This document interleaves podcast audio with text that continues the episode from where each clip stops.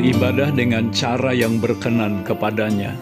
Suratan Ibrani 12 ayat 28 mengatakan, Jadi karena kita menerima kerajaan yang tidak tergoncangkan, marilah kita mengucap syukur dan beribadah kepada Allah menurut cara yang berkenan kepadanya dengan hormat dan takut.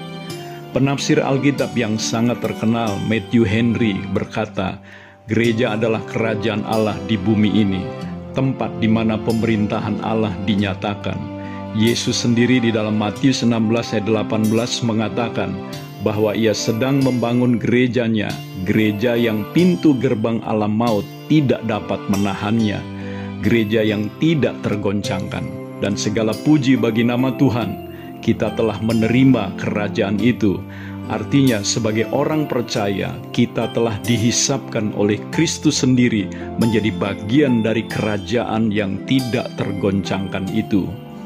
Bahasa asli yang dipakai untuk kata "tidak tergoncangkan" memiliki pengertian tidak dapat digulingkan atau dikacaukan, digambarkan sebagai sebuah perusahaan yang tetap stabil Pandemi COVID-19 telah Allah pakai untuk menggoncangkan semua sendi-sendi kehidupan ini. Dari masalah kesehatan khususnya, lalu berimbas kepada soal ekonomi, dari kehidupan sosial sampai kehidupan peribadatan. Semua ini terjadi justru untuk menunjukkan bahwa ada satu yang tidak tergoncangkan, yakni kerajaannya sendiri. Ibrani 1 ayat 8 berkata, tetapi tentang anak ia berkata, Tahtamu ya Allah, tetap untuk seterusnya dan selamanya, dan tongkat kerajaanmu adalah tongkat kebenaran. Dari ayat ini kita tahu satu-satunya alasan mengapa kerajaannya tidak tergoncangkan adalah karena tongkat kerajaan itu adalah kebenaran. Artinya, kerajaan itu didirikan di atas kebenaran, dan pemerintahannya dijalankan di dalam kebenaran. Kita belajar di sini, jika sesuatu dibangun di atas dasar kebenaran, dijalankan dalam kebenaran, maka apa pun yang terjadi, ia akan tetap kokoh dan stabil, sebab kebenaran tidak pernah berubah, dan kebenaran itu adalah Kristus sendiri.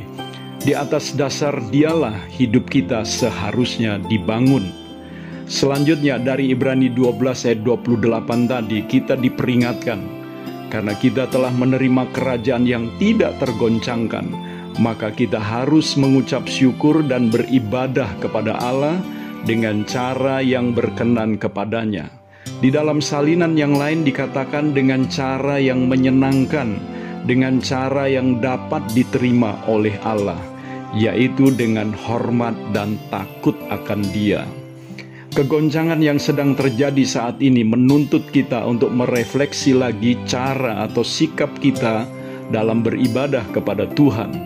Apakah ibadah kita menyenangkan hatinya? Pertanyaannya, seperti apakah ibadah yang berkenan di hati Tuhan tersebut? Mari kita membandingkannya dengan Matius 15 ayat 7 sampai 9. Di sana Tuhan Yesus berkata, "Hai orang-orang munafik, benarlah nubuat Yesaya tentang kamu.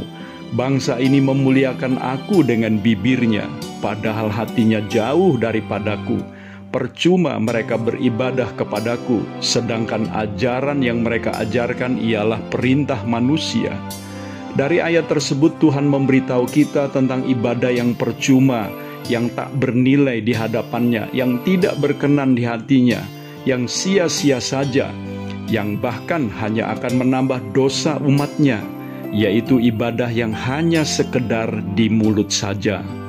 Saudaraku, Allah tidak mencari gedung gereja yang besar dan indah, tidak mencari alat-alat musik, pemain musik atau penyanyi yang hebat-hebat, tidak mencari jumlah orang yang banyak untuk menyenangkan hatinya, tetapi ia mencari hati yang bersungguh-sungguh mencari Dia. Ia menginginkan sikap hati yang benar, bukan hanya penampilan dan kata-kata pujian yang kosong dari mulut kita. Ia menginginkan ibadah yang keluar dari hati yang sungguh-sungguh mengasihi Dia. Jadi, kita tahu sekarang bahwa beribadah dengan cara yang berkenan kepadanya adalah beribadah tanpa kemunafikan, sebab kemunafikan menunjukkan hati yang tidak hormat dan tidak takut akan Dia. Saudaraku, Allah sedang menggoncangkan segala sesuatu di atas muka bumi ini, supaya di dalam hati kita hanya ada kebenaran saja yang tersisa, supaya dengan hati yang dipenuhi kebenaran, kita dapat beribadah dengan cara yang dapat diterima olehnya, dengan hormat dan takut akan Dia, yaitu tanpa kemunafikan. Saya Theo Barahama, Bring Heaven Home. Tuhan Yesus memberkati saudara.